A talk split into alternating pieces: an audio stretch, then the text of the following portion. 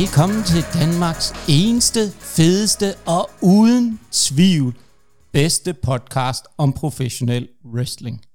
Og vi er jo rigtig mange, der i dag har glædet os til at lave det her afsnit om WrestleMania, som jo er det største show uden tvivl for hele året, når det kommer til pro wrestling på tværs af alle promotions.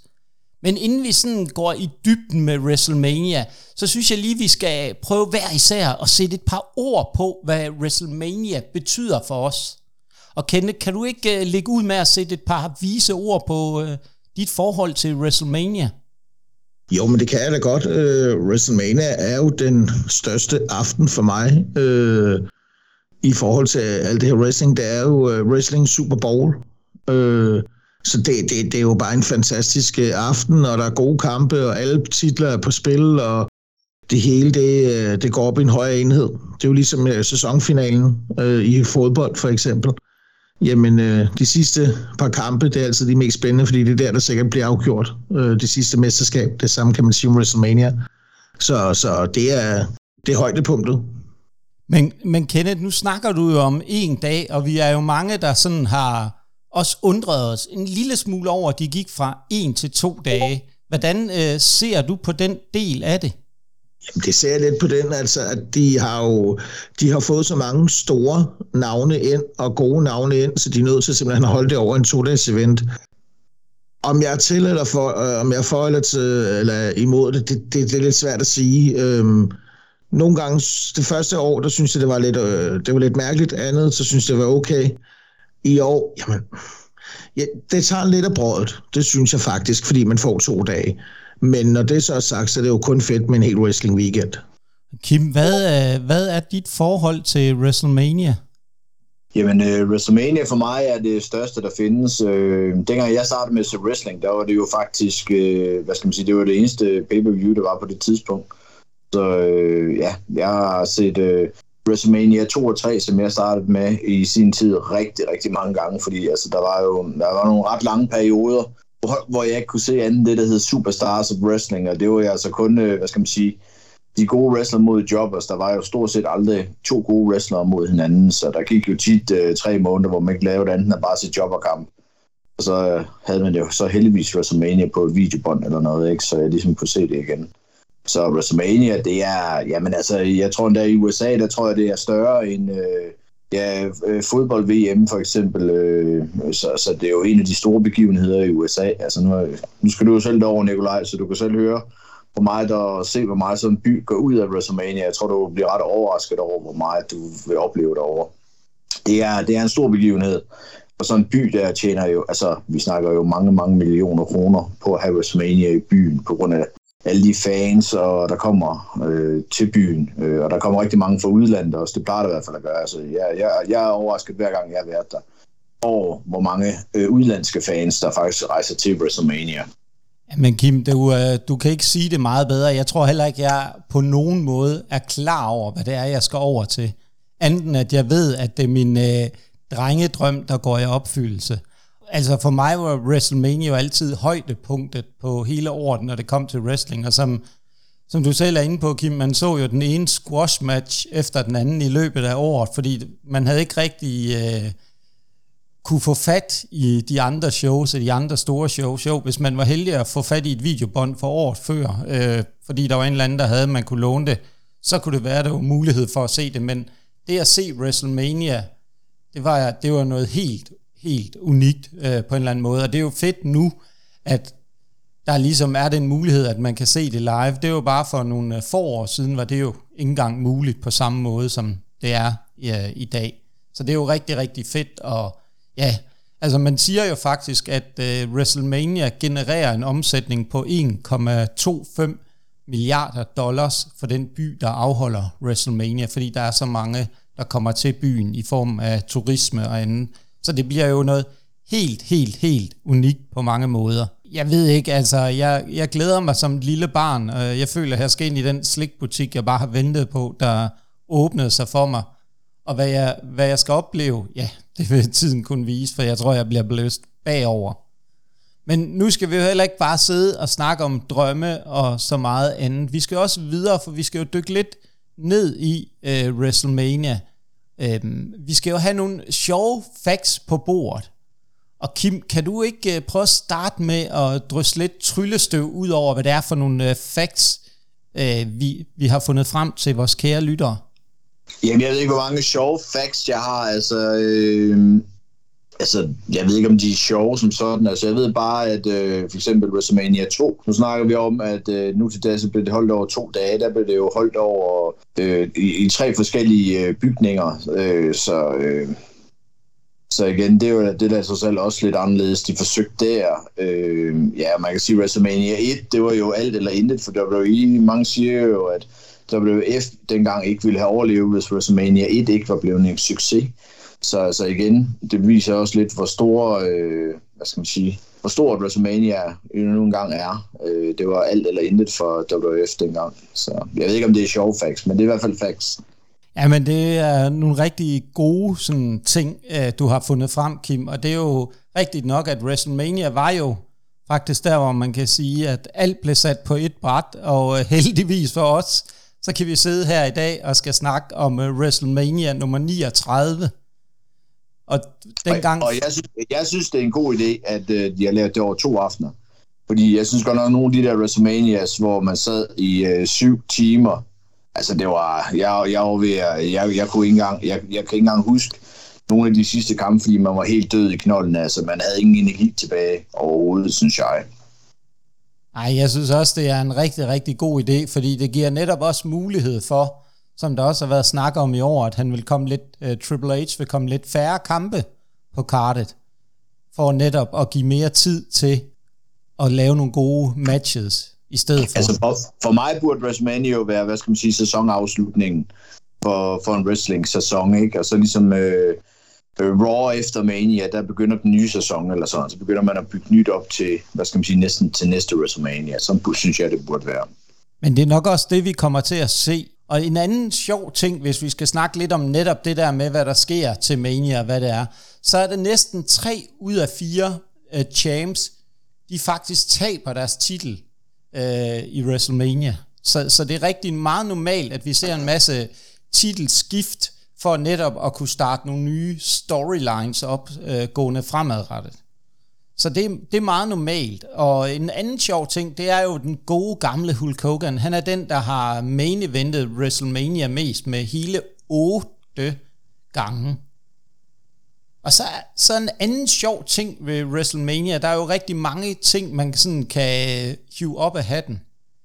Det er faktisk, at øh, det første WrestleMania, det havde faktisk ikke en øh, championship-kamp øh, for mændene, hvilket jo egentlig er meget, meget spøjs, når man tænker på, at det ligesom er afslutningen for hele året.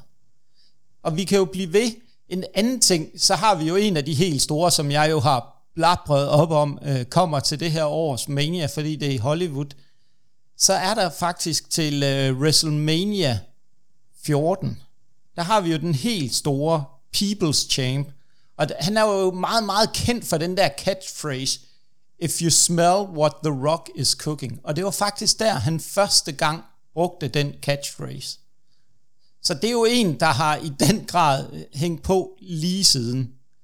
Men Kenneth, har du øh, nogle facts, du vil tilføje til den her kaskade af lækkerier til vores lyttere? Ja, men jeg har da en, en lille smule. For eksempel, du nu ved vi jo, at øh, main eventet på aften nummer to, om søndagen. Det bliver jo, øh, hvad hedder det, Roman Reigns mod Cody Rhodes. Øh, og det er faktisk lidt sjovt med Rhodes-familien der, fordi øh, hvis I for eksempel, at øh, Goldust, han er den, der har tabt allerflest kampe i WrestleMania, han har faktisk en losing streak på øh, 10 kampe. Nej, det var jeg faktisk ikke klar over. Det er da virkelig interessant i forhold til, når vi kigger på, at ja. det er Rhodes, der slutter af. Super, Præcis. Super interessant. Og hvis man øh, tager WrestleMania 35 med, hvor han var en del af den her Battle Royale, de kørte, jamen øh, så er han faktisk op på 11-0. Men øh, så det er jo så, man tæller den med. ja, det er jo lige det. Det er jo alt efter, hvem der tæller, når det er i USA. Det kan både være ja, det, det ene og det andet. men der er fakt- vi har faktisk en wrestler, der, er, der ikke er VV længere, men er undefeated ved WrestleMania med fire sejre i træk. Og aldrig tabt ved WrestleMania. Kan I gætte, hvem det skulle være? Han er ikke i VV længere. Og jeg er i tvivl om, hvor aktiv han er længere på wrestling-scenen. Uha, nej, der må jeg være der svar skyldig. Øhm, Rob Van Dam. Han er faktisk uh, undefeated uh, ved WrestleMania med fire ja. sejre i træ. Der er vist flere, der ikke har tabt til WrestleMania nu, er der ikke det, så vidt jeg ved? Sikkert nok, sikkert nok. Nu var det bare en af de navne, jeg havde fundet frem her. Ja. Det synes jeg bare var meget sjovt, at de, uh, Rob Van Dam uh, men han er jo også en showman, så WrestleMania er jo den største showdag, de har, så de giver nok meget god mening, at han er ikke en af dem, der har tabt. Og man kan sige, at han kommer nok ikke til at tabe nu til en Nej, nej, det gør han nok ikke. Ej, man kan jo aldrig vide, Kim. Det er jo WrestleMania, så alt kan ske. Og jeg ved faktisk, at Rob Van Dam, han er i uh, byen på det uh, tidspunkt til uh, WrestleMania i år. Og hvordan ved du så det? Ja, men det er fordi, han er en del af WrestleCon, hvor jeg skal hen uh, senere uh, på ugen. Så jeg ved, han dukker op der. Altså alle wrestlere, der bare vil gøre, gøre sig nogen som helst forhåbninger inden for wrestling, er i det område, hvor WrestleMania er. Fordi alt foregår. Kontraktforhandlinger foregår. Alle snakker med hinanden under, sådan, øh, under den uge, der er. Fordi alt, hvad der hedder WWE, det er i den by. Så altså alle, der bare vil have noget, der bare vil have en lille smule at gøre med wrestling, de er der. Så du kan roligt regne med, at alle kan findes. Når du går rundt på gaderne, du møder wrestlere, også øh, tidligere store navne, også store navne nu. Altså, det, det, det er vildt, som man bare kan rende på folk. Altså, ja, det... du, du bliver overrasket, når du går rundt, altså, Nikolaj. Du kan bare glæde dig. Det må sådan en nørd som dig er rigtig være glad for. Jamen Kim, jeg, jeg glæder mig også, men jeg tror slet ikke, jeg fatter, hvad det er, jeg skal over til, for at være helt ærlig. Som sagt, jeg har, jeg har sat på øh, bar med Ron Simmons. Jeg har stået i, øh, i en øh, indkøbscenter med Scott Hall. Øh, jeg rendte på Christian uden for en frisør. Øh, jeg var på stripbar med, øh, hvad hedder han, Alberto Del Rio, ikke? Så, altså, jeg, jeg var Klasse. ja, selvfølgelig ham. ja, hvem ellers? Men en anden ting, ved I, hvem der har haft den korteste kamp nogensinde til et WrestleMania? Ja, eller jeg vil gerne gætte. Ja, det er vel, øh, hvad hedder ham der med det røde skæg, hvad hedder han? Øh, Erik Rowan. Ja, ja, lige præcis. Og ved I, hvem han mødte? The Rock. The Rock, ja. Exactly. Det var 6 sekunder varede den kamp. Men det er også... Hvem havde rekorden korten før? Ved du så det? Nej, der må jeg være der svar skyldig, Kim. Det havde uh, King Kong Bundy. Han squashede uh, ST, uh, SD Special Delivery Jones i Mania 1 eller 2 på 9 sekunder, tror jeg. Okay. Ja, men så, så er den der også slået, fordi uh, Sheamus vandt over Dan Bryan på 8. Og det var 8 nok for sig. Det var 8 sekunder nemlig. Det var rigtigt, det gik det meget hurtigt. Ja, det er rigtigt. Det kan så godt være, ja. Det var jo bare lige et bro kick, og så... Jamen, jeg mener, jeg mener Bondi, det var 9 sekunder, så det kan godt være, at de har sat Sheamus på til 8. Altså nu. Det er jeg rimelig sikker på. Det er snart pas. Jamen, der, der, der i hvert fald... Øh, der er nok ikke potentiale for, at det går lige så hurtigt i en af de kampe, vi skal se, men den, der er nok en af de kampe, vi kommer ind på lige om lidt, der heller ikke kommer til at vare forfærdelig lang tid. Men jeg har faktisk lige en, en sidste en, jeg synes, vi skal have med, som er super interessant. Øh, hvem har tabt flest kampe ved WrestleMania? Ikke så meget i træk, bare tabt flest kampe til WrestleMania. Jamen, det har den gode uh, Triple H. Ja, lige præcis. Med 13 nederlag. Det er faktisk ret pudsigt. Uh, han har tabt en del. Og så har jeg en anden lille sjov ting, uh, nu når vi er i gang med at kaste om det. Jeg ved ikke, om vi kan huske til WrestleMania 22, der var der en masse gangsters, der fulgte John Cena ind til ringen. Og en, af de, en af de gangster, ved hvem det er? Var ikke CM Punk? Lige præcis. CM Punk, han, øh, og jeg ved ikke, om det er der, han har fået den attitude fra, at han skal skyde på alle, fordi han er da godt i gang igen med at skyde øh, til højre og venstre med beskyldninger. Ja, det, det ja, han er nok ved at være skadesfri, så nu skal han til at lave noget ballade igen. ja, det er det. Han keder sig. Jeg tror simpelthen, man skulle næsten tro, at manden sad og kedede sig. Så i den kommentar med, hvor at, øh, han nærmest øh, kom med en øh, kærlighedserklæring til øh, Heartbreak Kid, Shawn Michaels. Der blev Nej, det, jeg, jeg har altså ikke følt med i, hvad han har sagt. Eller noget. men der blev det næsten smålummer. jeg var færdig af krigen, da jeg læste den. Oh, men uh, lad os komme tilbage til uh, WrestleMania-historie. Jeg synes ikke, vi skal bruge synderligt uh, lang tid på den del. Hvornår var det første WrestleMania, Kim, egentlig? Jamen, det må vel have været uh, 85, var det ikke det? Jo, og ved I, hvem der fandt på navnet WrestleMania? Øh, var det ikke øh, Howard Finkel? Det er fuldstændig korrekt. Og så synes jeg egentlig, at vi har det fakta på plads, der er nødvendigt for at fortælle WrestleManias historie fordi vi har et super, super lækkert og spændende kart, vi skal igennem. Og vi kan lige så godt tage det fra en ende af. Lad os tage den første kamp, fordi det ved vi, det er den, der åbner showet på dag 1. Det er United States Championship matchen mellem champion Austin Theory og John Cena. Kim, lad os så høre, hvem tager den her kamp, og hvorfor? Altså, jeg vil øh, blive meget, meget overrasket, hvis øh, Austin Theory ikke tager den. Øh, han kommer til at arbejde hårdt for det, og jeg tror, John Cena kommer til at se noget bedre ud, end han gjorde blandt andet mod øh, Undertaker og så videre. Øh, men jeg er ret sikker på, at det, det her det må være for at, at push øh, den kære Austin Theory, så jeg siger Austin Theory. Kenneth, øh, nu siger du jo, at du øh, vil lægge ud med at være uenig med alle her. Ja, det er jeg skam også. Jamen øh, lad os så høre, hvorfor du tror på Sina. Jamen, øh, Sina er jo den, den, bedste, den største wrestler, der har været i min optik. Øh, og det er også ham, jeg er størst fan af.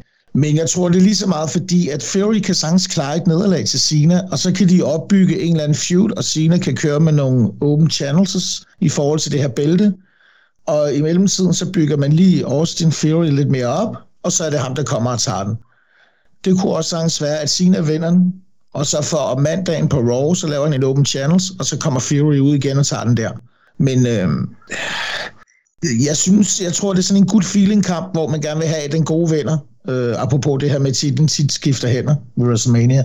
Så, øh, så, så jeg tror på, at de, øh, de lader den køre på John Cena. Og de er i Hollywood, og der er bare mange ting, der spiller ind, som, som passer rigtig godt ind i det. Øh, så vigtig er Fury heller ikke. Øh, han skal nok få sine, øh, sine titler. Interessant vinkel på det, og man sige et meget anderledes take, end det Kim øh, var inde på. Men jeg tror, jeg må her, det er ikke, det smerter mit hjerte at sige det, Kim. Og det, det gør lidt ondt, men jeg er faktisk øh, fuldstændig enig med dig på den her. Jeg tror, Theory tager den. Fordi jeg tror, at den her kamp skal bruges til at give faklen videre til den nye generation, og ligesom få Theory endnu mere over, og skabe endnu mere heat omkring Theory, ved han slår John Cena og sender ham på pension. Og han kan køre videre i den der med, at han er the now, og Sina han er the past. Så jeg tror også, sin theory tager den, jeg tror også, han kommer til at kæmpe for det, og jeg tror, Sina kommer til at se bedre ud. Nu har han også haft noget øh, mere tid til at få bygget sig selv op og gøre sig klar. Jeg tror, vi ser et par, øh, par en, måske et par gode moves fra Sina. Han, øh, det er svært at vurdere i forhold til sidst, han var med i den kamp, hvad han kan og hvor klar han er. Men jeg tror også, at den, øh, der bliver noget godt standoff i starten. Så jeg tror, vi ser et par gode, store spots, men øh, i sidste ende, så øh, sender Austin Theory Cena A-Town down og øh, retainer bæltet her. Og det er måske et af de få gange, hvor at champion retainer i løbet af det her WrestleMania. Men, men, men lad os nu se. Jeg synes også, at Theory, han har set rigtig, rigtig god ud på det sidste. Han har lavet nogle rigtig øh, nogle gode promoer. Han har virkelig vokset med opgaven fra, jeg kan huske, at han rendte rundt nede i NXT og var en del af en øh, øh, fraktion sammen med Johnny Gargano til, at han nu står som et, en kæmpe stor stjerne og en værdig aftager, hvis du spørger mig til øh, John Cena, og den, den del John Cena ligesom har stået for. Os, fordi han, han simpelthen rent kropsmæssigt, bygningsmæssigt står, og han har aldrig stået skarpere, end han er nu. Men jeg ved ikke med jer, er I, øh, hvordan ser I på den? Store ord, store ord. Det er, hvad jeg har at sige, tror jeg. Ja, ja, der er jeg ikke enig. Jeg tror ikke, han er aftager på nogen måde, men han er næste generation. Det er fuldstændig rigtigt. Men han er ikke en aftager for, for Sina. Det tror jeg aldrig, der er nogen, der kommer til at være. Og jeg tror heller ikke, at Sina han er færdig endnu som sådan. Ah, han har lige en uh, film, han skal have overstået her, men ellers så ja.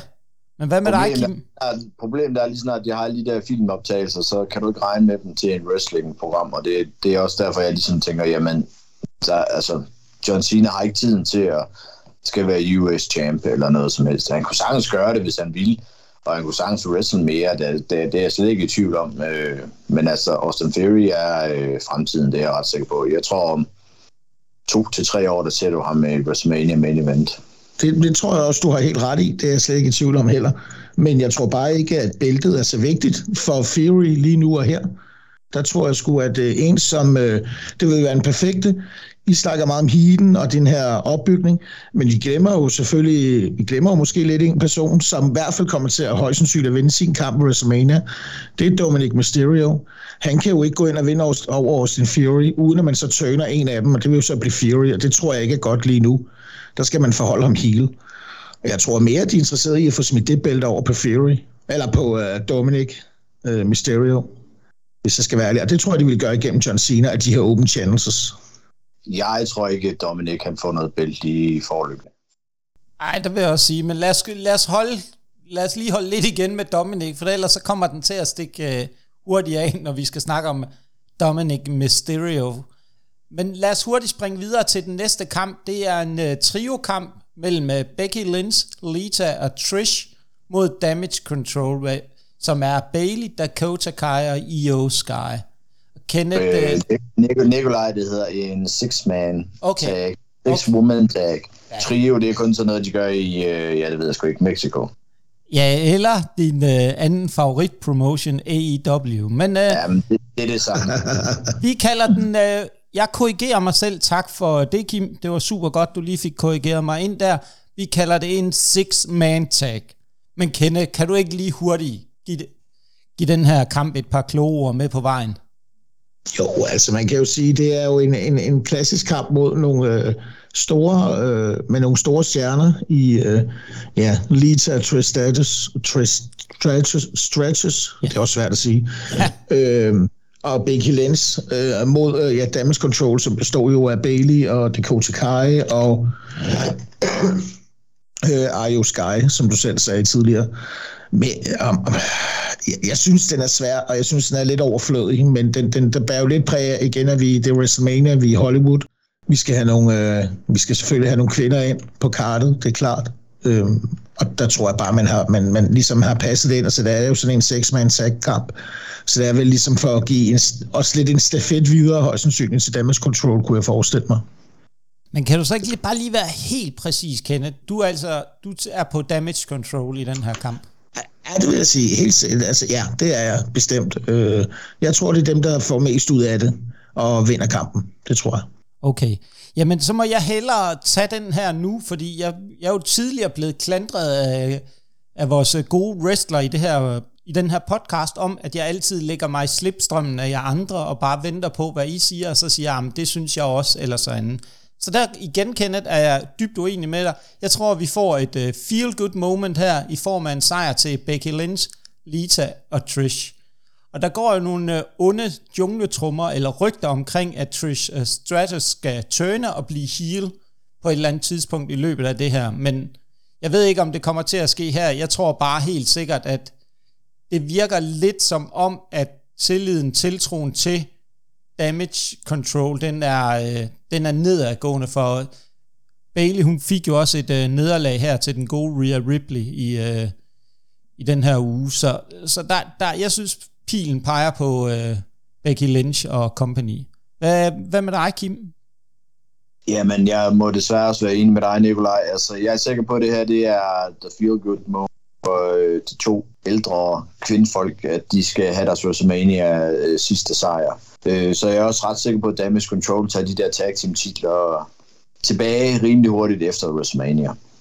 Jamen øh, lad os, øh, det var kort præcist. Lad os komme videre til den næste kamp. Der skal vi jo øh, ind i buret. Der skal vi have en Hell in a Cell match mellem Edge og Finn Balor, eller bliver det Finn Balor i form af The Demon. Det er i hvert fald blevet teaset ret kraftigt.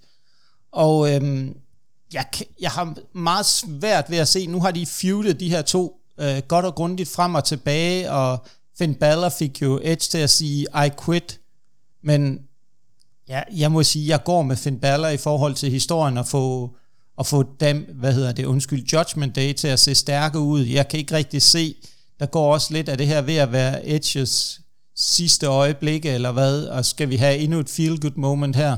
Jeg må sige, jeg tror på, at øh, dæmonen vinder over Edge, selvom det bliver rigtig spændende at se, hvordan, den jeg egentlig glæder mig nok meget til ved den her match, det er at se, hvordan de får bygget den her kamp op, fordi det, det er i hvert fald en af dem, jeg har rigtig høje forventninger til. øh, i forhold til det. Jeg tror, at tempoet det til tider ikke er så højt, fordi det synes jeg nogle gange har været lidt udfordringen i Edges kampe, at tempoet bliver trukket lidt ud af det, men vi kommer helt sikkert til at se nogle to fede entrance. Og Edge, han er jo, øh, går rygterne på i hvert fald, Kim, med en, du har booket her til efteråret i form af Gangrel, skal komme ind sammen med Edge og det gamle Brood. Men Kip, så kan du jo passende tage over her. Hvem øh, er du på i den her match? Altså, jeg er sgu lidt i tvivl om den her kamp, fordi jeg håber, Finn Balor vinder, men øh, jeg er lidt bange for, at de giver den til Edge. Men altså, jeg går med det, jeg, jeg håber, så jeg, jeg siger Finn Balor. Og det kunne være fedt, hvis uh, Gangrel han kom ind med et stykke, der giver lidt uh, godt reklame, når, når jeg nu regner med, at han kommer til Anders i november. Ja, det, det bliver jo ret stort, at øh, nogen man så kan sige, at har muligheden for at se en øh, WrestleMania-deltager. Og må ikke, at øh, han kan få en rolle i den kamp også, hvis han nu også går ind sammen med Edge i form af et øh, intermezzo med den gode Damian Priest. For jeg kan da ikke forestille mig, at den her kamp bliver en ren kamp ind i burt, uden at øh, Judgment Day blander sig i en eller anden form. Men Ken... Nej, Damien, Damien Priest har vel ikke rigtig nogen kamp, vel? Altså, Nej. Det, det, er vel ligesom her, han har måske lidt at komme med. Han kan selvfølgelig også blande sig i nogle af de andres uh, Judgment Day-kampe, men altså, ja. Ja, ja, det er selvfølgelig rigtigt. Uh, men Kenneth, hvad, hvad er dit take på den her? Øh, jamen, jeg har lige, jeg har to. Øh, fordi, som du siger, hvis Finn Balor, han kommer ud som The Demon Finn Balor, så tror jeg helt bestemt, han vinder, fordi han har vist ikke tabt med den karakter endnu, så vidt jeg husker. Jo, han har faktisk tabt, tabt en enkelt gang til den gode uh, Roman Reigns. Som, for, som uh, Demon? Ja. Nå, okay. Jamen, uh, den har jeg sgu, den har jeg glemt så i hvert fald. Tabte han ikke også i NXT til Samoa Joe? Åh, oh, men det tæller jeg ikke med på den store scene. Det var sgu, uh, det kan godt, uh, det kan godt passe. Øhm, ja, jeg er heller ikke sikker, men det mener jeg bare. Ja, ja, det er også fint nok sådan. Men jeg har faktisk ikke tænkt over det med Roman Reigns, fordi så skulle jeg nemlig til at sige, kommer han ud som demon, så tror jeg, han vinder. Kommer han ud som normal, så tror jeg, han taber. Jeg tror også, det er en fyldt good match, den her. Det er lige for at give Edge det sidste, og så... Øh, alle ved, Finn Balor er der de næste mange år, og alle ved, han er hammerne dygtig og, og fremtiden. Så øh, jeg tror godt, han kan klare et nederlag til Edge. Ja, men øh, du holder jo Steven Kenneth indtil videre og er uenig med alle os andre. Og nu har du allerede snakket dig rigtig godt varm på den her, så jeg synes egentlig bare, at du skal springe hurtigt videre til den næste. Vi har Seth Rollins mod in- internetfænomenet, YouTube-stjernen Logan Paul. Præcis. Men uh, ja, det er, jo, det er jo til gengæld en spændende kamp, fordi man må jo sige, sådan en som Logan Paul, han har godt nok taget det med storm efter de gange, han har været med. Øhm, og jamen, så kan vi jo spørge om det. Nu spørger jeg til gengæld, så i stedet for, har han vundet nogle af de der 3-4 kampe, han har været med i? Har han ikke tabt dem alle? Han tabte til Roman Reigns, og han tabte vel også til... Øhm, han vandt over Miss. Han vandt over Miss, ja, det er rigtigt. Og, og vandt, vandt ikke over de der... Vandt ikke over Ray og Dominic med da de var sammen i tag. Vandt de der i tag-teamet der? Fordi jeg husker det kun som nederlag, men det kan godt passe. Ja, de vandt det faktisk. Vel... Det er rigtigt. Undskyld, jeg lige afbrød okay. dig der, Kenneth. Det var... Ja, men det er fint. Det var faktisk øh, rigtigt, og det var der, hvor Miss så efterfølgende tørnede på Logan Paul. Det var sådan, ja. Det er rigtigt. Lige præcis. Ja, selvfølgelig. Fordi ellers så vil jeg nemlig, øh, eller jeg vil gerne frem til det her med, jeg tror netop, at man kører lidt videre på Logan Paul, øh, og, og faktisk lade ham vinde den her kamp, øh, igen Seth Rollins lidt af det samme som kampen før. Han kan godt klare nederlaget, det har han gjort så meget i den her. Øh, og hvis, man kan, hvis vi tager øh, WrestleMania som den her sæsonafslutning, øh, så er det selvfølgelig ærgerligt at tage på et nederlag, men så kan hele næste sæson for ham, kan så blive øh, med en masse, masse øh, sejre og en, øh, en masse bælter forhåbentlig til ham. Øh, så jeg tror faktisk Logan Paul, og så, så synes jeg, det er en genial kamp i forhold til, at vi er i Hollywood. Det er det største show på året. Logan Paul, internetfænomen. Seth Rollins, en af de bedste øh, wrestler i WWE. Det, det, det er et genialt setup. Jeg tror virkelig, det bliver en øh, overraskende god kamp. Interessant, interessant, interessant. Kim, kan du ikke lige hurtigt, jeg ved godt, at du er lidt på udebanen, når det kommer til Logan Paul, men vi har jo været lidt inde på, os to, at vi er jo faktisk imponeret af, hvad han har præsteret indtil nu, Logan Paul i ringen.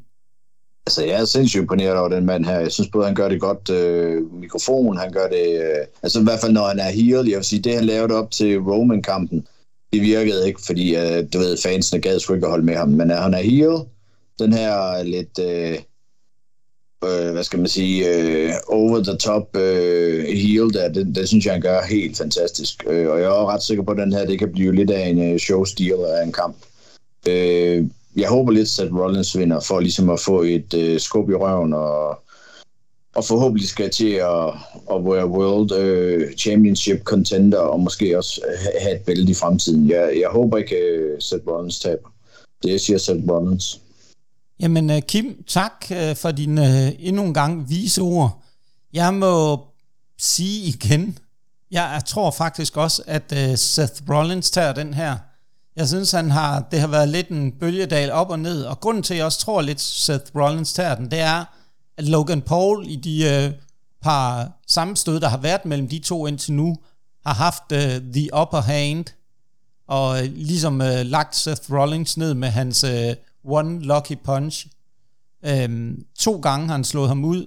Så, så det spørgsmål er lidt, hvad, hvad er det for en kamp, vi får her? Vi får i hvert fald en kamp med nogle ekstrem fede spots, nogle vilde spots, det vil Logan Paul garant for.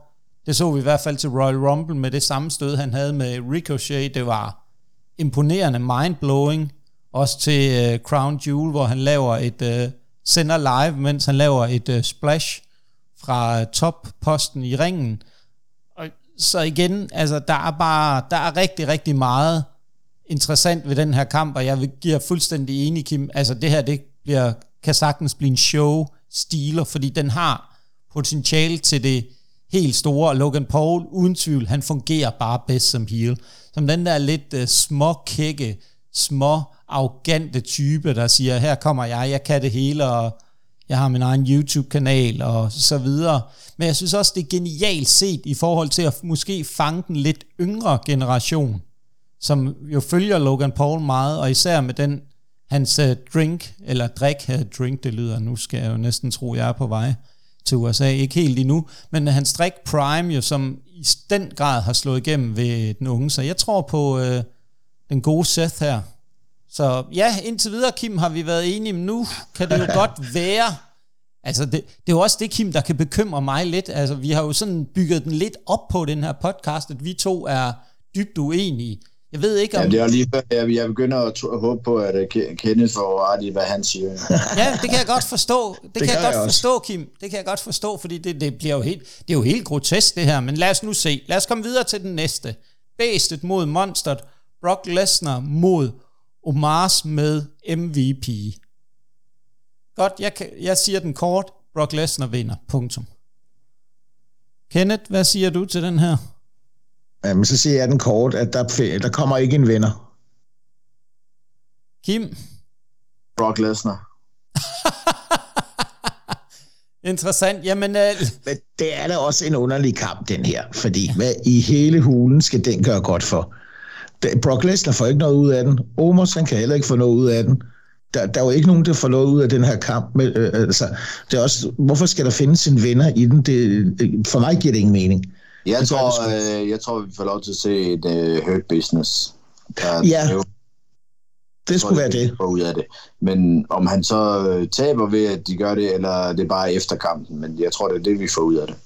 Så du tror, at uh, Hurt Business uh, kommer ind og sammen med uh, Omars? Ja, jeg tror, jeg ved ikke, om det bliver den samme, øh, de samme Hurt Business, som vi har set øh, i gamle dage, eller for kort tid siden, men øh, jeg tror, der kommer i hvert fald en, en flok, øh, om de også kalder sig Hurtbase, men der kommer i hvert fald en ny gruppe, øh, hvad skal man sige, MVP kommer til at stå sammen i spidsen for. Du solgte mig der, Kim. Jeg siger, at Omar han vinder. De, øh, de kommer ind og gør noget, så, de, øh, så han vinder. Den altså, er, det, det, det vil ikke give nogen mening, hvis det bare er Brock, der vinder, men altså, det er stadigvæk det, jeg tror. Øh, den eneste, der kan få noget ud af det, kan man sige, det er Omars, men altså, jeg kan ikke se, hvorfor de lige pludselig skulle give ham en sejr over Brock Lesnar, men altså, nu må vi se. Men uh, lad os hoppe hurtigt videre til den næste. Det er Bobby Lashley's kamp jo, som har svævet lidt i det uvisse.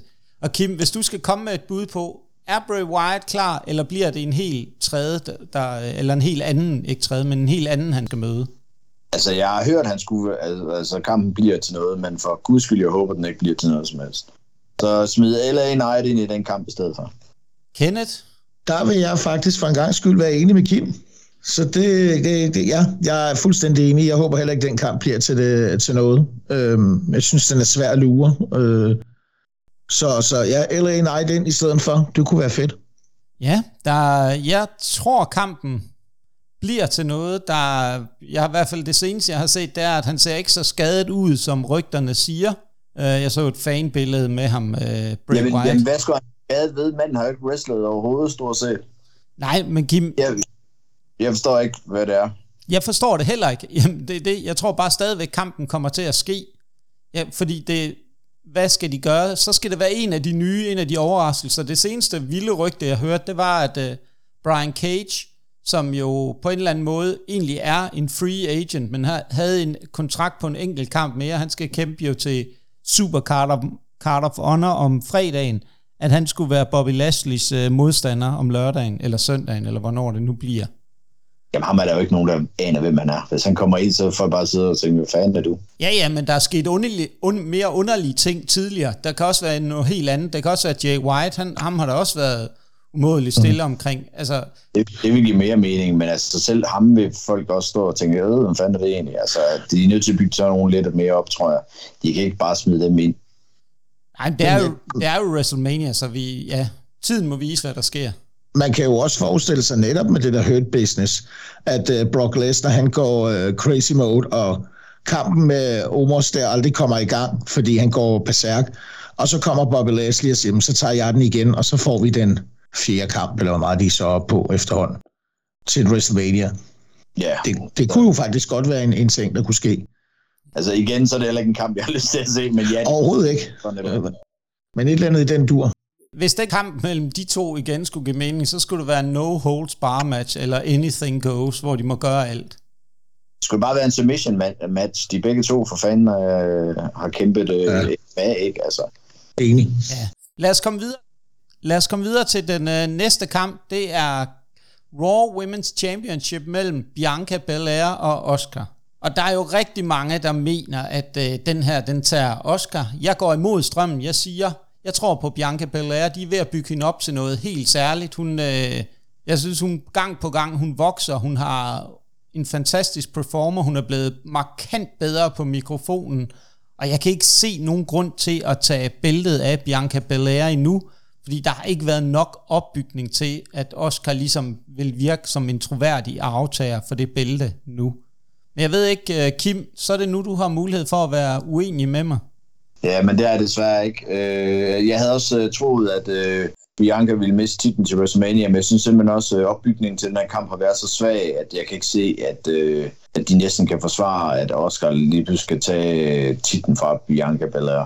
Så altså, jeg tror også, at Bianca Belair vinder. Jeg tror faktisk, at kampen kan blive rigtig god, men jeg synes godt nok, at opbygningen til den her kamp har været noget af det svageste, jeg har set længe. Ken, så skal du få lov til at runde den her korte gennemgang af. Yep. Jamen, jeg ved jo ikke, om jeg tør at sige det næsten jo her, men øh, ej, jeg tror også på Bianca Belair, så der er vi sgu alle tre enige for en gang skyld. Jeg kan heller ikke... Ja. Jeg synes lige, den var passende nu, når der endelig var noget, hvor vi var enige. Super passende. Men, så, øh, du hedder... der ventede på at kunne trykke på den knap. Ja. ja, men jeg er også så glad for, at du sagde det. Tusind tak, Kenneth. Ja, Tusind det tak. Det var så let. Men jeg kan, jeg kan heller ikke se, hvorfor Oscar skulle vinde. Jeg synes til gengæld, hendes nye gimmick med, med det her blåhvide noget og sådan noget, farve i hovedet og sådan noget, synes jeg fungerer rigtig godt. Men der er ikke bygget noget op til, at det skulle ske. Det ville, være, det ville virke meget underligt, hvis det skulle være. Jeg synes bare, at hendes øh, nye gimmick med alt det her, jeg har ikke rigtig forstået det igen. Jeg synes bare, det er sådan ligesom, de, det vil sige... bare, de, har, de har bare malet hende i hovedet, så tænker jeg, og hvad så? Ja, men det vil sige... Hvad det går ud på, ikke? Altså.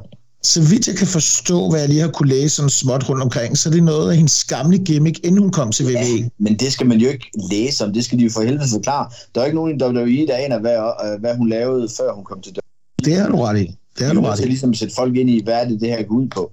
Ja, det er rigtigt. Jamen øh, lad os hurtigt komme videre, så tager vi SmackDown Women's Championship. Og Kim, lad os høre, om du tror på Charlotte Flair retainer, eller vi ser Mami i form af Rhea oh, Ripley den er, den, er, den er hård for mig. Det er altså mine to yndlings uh, kvindewrestlere lige nu.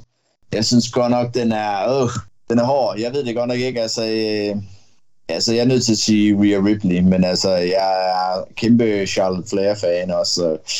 Altså, jeg er lidt ligeglad med, hvem der vinder. Bare, jeg, jeg er sikker på, at det bliver en super duper kamp, men jeg siger Rhea Ripley. Jeg kan ikke se, hvordan hun næsten kan undgå at skulle have den titel nu.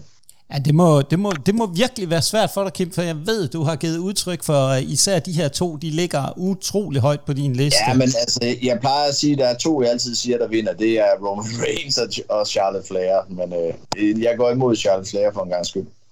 Men Kenneth, hvad, øh, er du enig med Kim? Øh, ja, det er jeg faktisk. Jeg tror også på Rhea Ripley, hun tager den nu her. Charlotte kan sagtens klare et, øh, et nederlag mere. Øh, og miste det bælte, og så vinde det igen på et eller andet tidspunkt. Ja, hun, hun skal jo op på de der 16-17 stykker. Det skal hun, lige præcis. Hun skal nemlig op og ramme sin fars rekord. Øh, så, så, så det tror jeg helt klart på, at sagtens skulle være. Og det kunne sagtens være, at så Charlotte taber her, og så ser man hende på Raw om mandagen. Øh, Channels uh, Bianca for eksempel, der har retainet. Um. Altså, mit problem er bare ved, at uh, Rhea Ripley vinder, det er, at jeg kan ikke se, hvordan de skal holde hende upopulær. Og hun er med i en gruppe, der er heels. Altså, jeg har lidt svært at se, hvordan de kan blive ved med at gøre det, fordi altså, hun er ved at være så uh, over som face også, at uh, jeg, ja, den er lidt spændt på at se, hvordan de har tænkt sig ja, helt, at, at redde. Helt sikkert, helt sikkert. Men det kan jo sagtens være, at de bare laver sådan en TV-gruppe ud af det, også på kvindesiden faktisk. At de øh, begynder nu at blande sig endnu mere, ikke også? Og så bliver det nærmest umuligt at få del i det bælte der, fordi at der altid vil være en eller anden, øh, øh, der, der går imod øh, hjælp for sideringen. Hvad hedder det? Interrupting øh, kampene, ligesom man ser tit her med vores øh, Robo Reigns Bloodline, for eksempel. Det kunne jeg godt forestille mig. Altså, det var den vej, man kørte det. Jamen, så vil jeg kort runde af. Jeg vil sige, netop forskellen på den her kamp kontra Bianca Belair Oscar kamp, det er der faktisk bygget rigtig godt op til Rhea Ripley tager bæltet her. Jeg er enig med jer to andre. Rhea Ripley tager bæltet. Det er nu, bæltet skal puttes på Rhea Ripley, hvis man ligesom skal holde det momentum og holde fast i øh, det, der er bygget op omkring hende. Det, det vil øh, i hvert fald få noget troværdighed til at falde fra hende, hvis hun ikke tager bæltet nu med den der nærmest usårlige, øh, sådan uovervindelige type, hun har været. Der tror jeg også bare, Kim, som du også er inde på, det her det bliver en, som de vil, normalt siger med Sheamus og de andre, det vil blive en øh, uh, banger-match, den her. Men jeg kan faktisk se, at jeg har glemt at øh, tage en kamp med på her i min gennemgang. Lad os lige hurtigt runde den, inden vi tager til nogle af de tre mest interessante kampe på kartet umiddelbart. Uh, three-way-kampen mellem øh, Günther, Sheamus og uh, den gode Drew McIntyre. Hvem tror du, der tager den, Kim? Ja, Jeg tror Günther retainer. Øh, men og jeg tror, det her det kan også blive lidt af en øh, superkamp. Altså, de, de, burde, de tre her burde i hvert fald kunne lære noget fantastisk sammen. Nej, eller fantastisk, det lyder måske overdreven, men altså, de burde i hvert fald kunne lave en øh, uh, hard-hitting, øh, øh, hård kamp. Men jeg tror, at Günther, han, er, han har noget stort i vente. Jeg tror, han får lov til at få den her øh, ret store sejr over to tidligere World Champs. Ja, men jeg er fuldstændig enig her med Kim også, at det er Gunther, han er eller Gønser, det, det, den, altså, der er ingen af de andre to, der har, der har behov for at vinde den, og det bliver en, en fantastisk øh, wrestlingkamp. Øh, og jeg tror, vi kommer til at se, øh, ja, ud over hardhitting, så tror jeg også, vi kommer til at se nogle vilde spots, øh, hvor de virkelig slår så hårdt, øh, og virkelig offrer sig. Øh, jeg kunne godt forestille mig, øh, den og, og Logan Paul, eller Seth Rollins Logan Paul-kampen, det bliver de to, øh, og faktisk også SmackDowns Women's Championship, der vi lige har snakket om. Det bliver de tre kampe, der kommer til at stjæle showet. Øh, jeg tror virkelig, der bliver, den bliver underholdende. Nu sker der noget ret vildt i podcastens øh, historie, eller i hvert fald i forhold til det her afsnit. Nu kaster jeg en vild bold op. Jeg tror, Seamus tager den. Og jeg tror, at øh, netop som I siger, Günther, han skal skydes endnu længere op i øh, rangstigen her. Der skal være nogle øh, troværdige øh, kampe. Fordi, og grund til, at jeg tror, at Günther han kommer til at miste bæltet til Sheamus, det er jo, at øh, når vi kommer til at skal snakke om Roman Reigns, Cody Rhodes kampen, så var der jo en lille ting mellem den gode Cody Rhodes og Günther. Så det kunne godt være det første frø, der så til en øh, feud mellem de to i forhold til øh, de helt store bælter. Så jeg tror, Sheamus tager den, og de giver ham et uh, sidste title run. og starter en feud med Drew. Det er, vel også, at, er det ikke noget med, at det også at den, den eneste titel, han ikke har vundet i WWE? Åh, oh, det er nemlig. Lige præcis. Så det, er- det kunne, jeg tror, det bliver en af de der feel-good moments, fordi Sheamus han er så over hos uh, publikum PT, at han uh, tager bæltet. Det håber jeg, du har ret i. Det kommer først til at ske uh, Money in the Bank i England. Ja, det tror jeg så også, men, men jeg, giver, jeg håber det stadig, det skal til WrestleMania. Det kunne være fedt for ham. Der tager Drew det af ham. Fordi vi mangler at give Drew et uh, moment, så jeg tror mere, det er Drew, der piller bæltet af ham der. Men lad, lad os nu se. Lad os komme videre til den næste far mod søn, Kenneth. Ray mod Dominic. Ja, det er jo en historie, man må sige, de har bygget op over lang, lang, lang tid. Øh, og, og jeg synes faktisk, at den er rigtig flot opbygget. Øh, og den passer perfekt med, at den skal afslutte nu her til, øh, til WrestleMania. Vi må gå ud fra, at den afslutter her til WrestleMania. Så øh, jeg forventer mig, at jeg forventer, at Dominic Mysterio han trækker det længste strå. Øh, og ligesom pensionerer sin, sin kære far. Men jeg forventer til gengæld også måske, at der, der kommer en krammer til sidst fra, fra Dominic. Øh, og så man lægger hele den der onde feud øh, bag sig. Og så han virkelig kan få lov til at træde tilbage, Rey Mysterio. Interessant. Jeg tror øhm, også Dominik tager den. Jeg tror ikke, der kommer nogen krammer eller noget som helst. Jeg tror, for at få underbygget den der heel og den der kæmpe heat, han har, så vinder han på et rigtig uselt øh, tricks øh, i sidste ende over sin far, og dermed sender ham på pension, fordi han jo om øh, fredagen får bliver introduceret til Hall of Fame. Så mit bud er også, at Dominic Mysterio, og de bygger videre på den øh, spændende karakter, de har gang i her, som en kæmpe heel. Men Kim, hvad, øh, hvad er dit take på den her? Altså, jeg håber for alt i verden, at de lader Dominic vinde den her kamp. Øh, igen, det vil være perfekt, hvis øh, den kære øh, Priest måske kunne hjælpe ham. Så har han også øh, et WrestleMania lidt et moment, hvis de kan få Ray ud af det. Men øh, ja, der, ja, ja, jeg vil blive meget overrasket, hvis Dominic ikke vinder.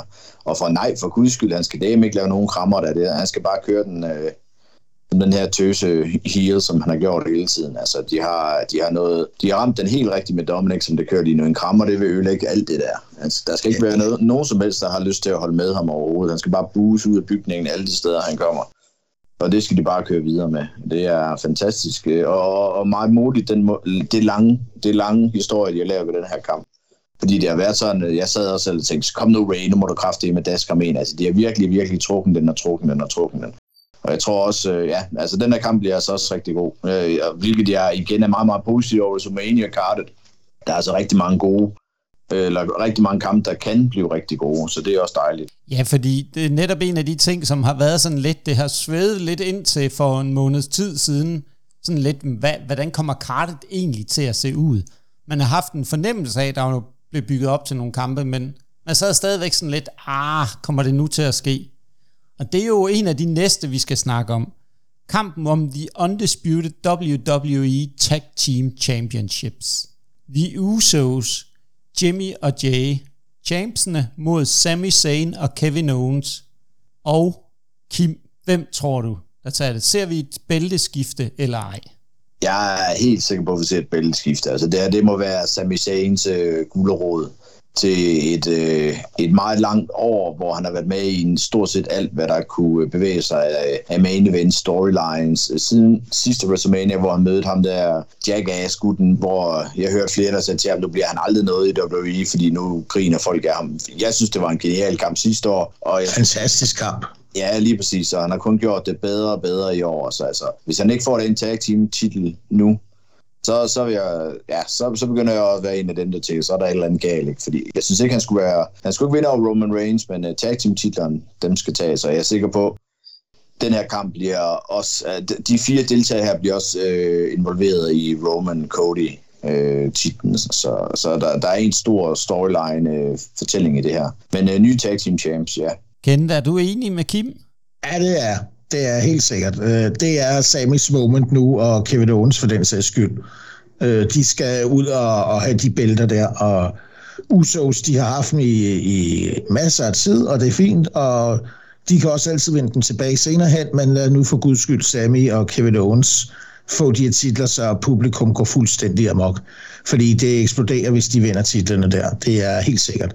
Jamen, det kan, det kan ikke siges meget bedre. Jeg er totalt enig med, at det er Sammys øh, payoff, der kommer til at ske her. Også fordi de begge to er så over. Kevin Owens har også bevist sig som stadigvæk værende virkelig en af top guys. Han havde en rigtig god kamp mod øh, Roman også. Så der er ikke nogen tvivl om her, at vi ser et bælteskifte, et af, et af flere bælteskifte i den, til det her WrestleMania. Så jeg går også med Sami Zayn og Kevin Owens. Og så skal vi til main eventen på dag 2. Undisputed WWE Universal Champion Roman Reigns mod Cody Rhodes. Og der er spørgsmålet jo, kende, afslutter Cody historien her? Det gør han ikke. Det, jeg tror ikke på det. Øh, jeg tror på, at Roman han øh, retainer, og han øh, Roman holder det hele vejen til SummerSlam som minimum. Det har jeg bare en mavefornemmelse, der siger mig, og Cole, det er en god opbygning, men det er også, øh, jeg tror også, at vi skal passe på med Cole Rose, at man ikke propper ham ned i halsen på øh, for mange mennesker. Øh, fordi det virker sådan lidt nogle gange, især med det her Sami Zayn, det har været et rigtigt problem for mig at finde ud af, hvem er de egentlig mest til. Øh, men jeg synes, det er fantastisk, jeg synes, det er en fed historie, men jeg kan lige så godt se Cody tabe den her, og så får han at vide, nu kan du ikke kæmpe længere, og så får han lov til at vinde Money in the Bank, og så kan han cash ind på et tidspunkt. øh, Øh, og eventuelt til SummerSlam øh, på Roman.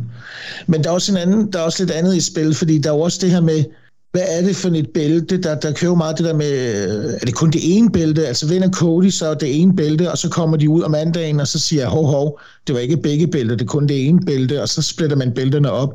Det synes jeg også er en super interessant vinkel, fordi det tror jeg stadig, de godt kunne finde på. Hvis, øh, jeg tror faktisk også, de kunne finde på at fortryde, at man gav Cody et bælte, og så ville man lave den anden seance. Øh, men jeg håber mest alt på det, at Roman han, øh, han kører det videre. Kim, jeg kunne næsten ikke forestille mig, ud fra dine tidligere forudsigelser for året, at øh, du er uenig med Kenneth, men du skal alligevel have lov til at knytte et par ord til den her main event på dag 2. Altså, jeg håber, Roman vinder, men jeg synes, det er meget svært. Jeg er godt nok... Øh, jeg har svært ved at se, hvordan Cody han, øh, skal forblive som et øh, top babyface, hvis han taber, fordi de har simpelthen lagt alt over på Cody lige nu. Altså alt er bare blevet lagt over på ham. Jeg har svært ved at se, hvordan de kan gøre det. Men altså igen, de har overrasket mig så mange gange med den her Bloodline storyline, så altså, jeg er sikker på, at de har noget, noget fedt i vente. Altså jeg glæder mig rigtig meget til at se den her kamp og, og hvad den kan gå ud på. Fordi igen, jeg kan huske, øh, ja, helt tilbage, det var der Shield mod øh, øh, Stardust og øh, Goldust. Altså de øh, matcher hinanden rigtig godt, så hvis de kan fortsætte, som de gjorde dengang, så bliver kampen altså også noget bedre, end jeg, end jeg lige egentlig havde regnet med i, øh, sådan, da, da, da jeg kunne ligesom fornemme, at den her kamp blev til noget. Så, øh, så, men øh, ja, jeg siger også Roman. Og jeg synes også, det skal være Roman. Jeg synes bare, han skal fortsætte. Jeg synes, det er genialt, det han gør. Jeg er dybt uenig med jer begge to. Jeg går med Cody Rhodes. Han afslutter historien. Han sætter den første sprække i The Bloodline Ja, ja, fordi netop de har lagt så mange æg over i Cody Rhodes kurv. Også fordi troværdigheden til Cody Rhodes kommer også til at lide et alvorligt knæk, hvis de ikke giver ham bæltet nu. Jamen, jamen det, det, det, jeg synes, det er, ikke der er lidt underligt, det er, at øh, Cody overhovedet ikke har tabt endnu. Og det gør lidt om det, jeg tænker, han er næsten nødt til at tabe en kamp snart, fordi ellers bliver han også igen, ligesom Ken siger, han bliver proppet ned, så bliver han bare den nye øh, Roman, du ved, ligesom de forsøger at skubbe ham ned i halsen på folk, hvor folk måske egentlig hellere ville have haft uh, Sami Zayn. Enig. Så jeg tror, det er meget, meget øh, farligt, det de sådan, altså det ligger sådan lige på kanten til, at enten kan det blive skide godt, eller kan det faktisk gå lidt galt. Altså, så jeg er lidt, ja, igen, jeg er sindssygt spændt på at se, hvordan det gør det. Jamen Kim, det, det er uden tvivl nogle gode pointer, du har fat i øh, der og har taget med i forhold til den her kamp og vurderingen af den. Men jeg tror også bare, at de bliver nødt til at give Cody Rhodes et moment her, for at bygge ham videre. Han kan sagtens tåle at tabe det på et andet tidspunkt, i forhold til nogle vinkler, øh, der, skal, der skal bygges op og blive troværdige. Men jeg, jeg må gå med Cody Rhodes. Det er min, min mavefornemmelse og mit wrestlinghjerte, siger Cody Rhodes her. Også fordi der bare er et eller andet med det der med Dusty, og ja, der, jeg, jeg, jeg må bare sige Cody Rhodes. Og der, hvor jeg synes, kæden hopper ja, Men hvad var, hvad var Dustys historie? Det var netop, at han, han aldrig... troede, han vandt. Ja. Han blev ikke? Altså, ja. Og det er jo næsten det samme, de kan gøre her. Alle tror, at Cody vinder den, men så kan det være, at han bare vinder på diskvalifikation, mm. men ikke vinder titlen. Jeg, jeg tror ikke, man skal blive overrasket, at hvis Cody han taber, og faktisk først vinder mod WrestleMania 40, det tror jeg sagtens skulle lade sig gøre, netop fordi det er det historien med hans far, den kører på, og så ligesom få lavet det til et rundt tal, så kører man det på 40, for der mangler de også den her topkamp stadigvæk til. Og jeg synes også, man mangler ligesom at se Cody i nogle øh, gode single-kampe. Altså, jeg ved godt, at han havde den der med Seth Rollins, før han blev skadet, men jeg synes ikke rigtig, vi har set noget efter. Og hvem har ikke en god single-kamp med Seth Rollins? Ja, lige præcis, altså. Ej, der vil jeg også mene helt klart, han kan sagtens tåle at tage et nederlag, og de kan sagtens skrive historien godt videre øh, på Cody Rhodes. Det er jeg helt overbevist om. Stadigvæk dybt uenig med jer, men det er jo også det, der gør det fantastisk ved at optage den her podcast. Det er den her uenighed, der opstår, den, de forskellige vinkler, man kan tage på sådan en kamp her. Går man med, at de første sprækker i The Bloodline begynder at komme nu, eller fortsætter Roman Reigns? Altså, jeg synes bare, der hvor jeg... Jeg, jeg vil være uenig med dig. Jeg synes allerede, der er en del sprækker i The Bloodline lige nu. Det er der også. Men jeg synes også, problemet for mig har været den der fokus på, at alle snakker om, at han skal rundt 1000 dage, og det er et bestemt tal. Jeg tror ikke, de går så meget op i de 1000. Men øh, det må vi se. Vi må se, hvem der får ret. Men, øh, man, kan man kan jo også kigge, tage en vending på den, og så kigge i forhold til, hvis de gerne vil have, fordi man kan sige, hele Bloodline, hele det der Tribal Chief, øh, øh, de kører med, det skal jo også slutte på et tidspunkt, og det kan jo kun slutte ved, ved at øh, The Rock han kommer og ligesom skal tage en kamp. Det er sådan, jeg ser det på det i hvert fald. Og så ham skal du også køre ind i den her historie på en eller anden måde, og hvis Cody han ligger der, så er han, og han vinder over Roman, så vil han jo automatisk på et eller andet punkt være bedre end Roman. Og sådan kan man, så falder den lidt, for mit vedkommende i hvert fald, vil den falde lidt, den her med, at han er tribal chief. Ja, goddag. Der er en, der stadig er bedre end dig, der lige har slået dig. Så for at holde Roman op på den pedestal og give The Rock den her, hvis det er det, det ender med, som forhåbentlig det er, og give ham den her, det her skud, så, så kræver det, at Roman han bliver helt deroppe. Og det gør han kun, hvis han bliver, forbliver champ. Jeg tror ikke, det er The Rock, der slår Roman af. Jeg tror, det er Jay Uso. Kim, det er jeg faktisk fuldstændig enig med dig i, for det var der historien også startede med Tribal Chief. Lige præcis, det var der det hele begyndte, og jeg tror, de vender tilbage til det på en eller anden måde. Ja. Jeg, men, ja, men jeg vil også sige, jeg mener heller ikke, at The Rock han skal tage bæltet fra ham, men han bliver nødt til at være øverst på podiet, før at det ligesom, altså, hvor, før det holder helt vand i, mit, i min optik. Det ved jeg ikke. Jeg synes, den med Jay vil være lige så god. Fordi jeg synes, de begge to Usos er kæmpe stjerner også. I den forstand. Helt, helt sikkert. Men øh, lad nu den ligge. Det var jo alt, det var jo en masse kloge ord, vi fik øh, spredt ud her inden for en times tid. Og der kommer jo til, kan vi lige så godt afsløre for vores lyttere, der kommer til at gå lidt tid, inden vi kommer til at lave analysen af øh, WrestleMania. Der er jo desværre er udenlandsk og skal over og opleve det live, så I må, I må have lidt øh, tålmodighed med os lyttere, og øhm, vi kommer helt sikkert til at lave en fantastisk analyse. Det kan godt være, jeg ved ikke, om vi kommer til at skal dele den op i to dele, fordi at vi tager en analyse af dag 1 og dag 2. Det ved jeg ikke med jer. Hvad siger I til det? Det kunne man da sagtens vælge at gøre. Hvad tænker du om den, Kim? Jeg siger helt sikkert også uh, dele den op i to. Altså, jeg, har, jeg tror, der bliver nok at snakke om uh, ja. for hver dag. Altså, så jeg synes også, den skal deles op i to. Det, uh... det, det lyder fantastisk. Så det her med bestemt lytter, I kan godt glæde jer til et uh, dobbelt afsnit om WrestleMania det er jo også årets show inden for wrestling, så hvorfor ikke dele det op? Så vi vil godt sige øh, tak til alle jer, der lytter med. Tak fordi I lytter med og støtter op om den her podcast. Det betyder en øh, verden for os. Og det er jo jer lyttere, der giver os lyst til at lave så ufattelig meget wrestling-indhold. Øh, vi kan jo næsten ikke øh, holde os selv tilbage. Og så vil vi godt sige, at vi har jo lige udgivet et dobbeltafsnit om The Undertaker, som vi kun kan anbefale jer at gå ind og lytte til, mens I går og venter på og skal se WrestleMania lørdag og søndag nat. Så gå ind og lyt til øh, det.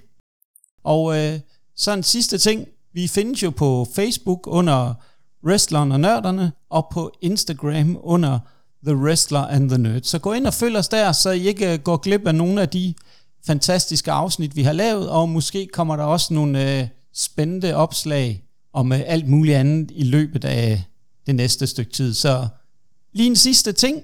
Tusind tak, fordi I lytter med.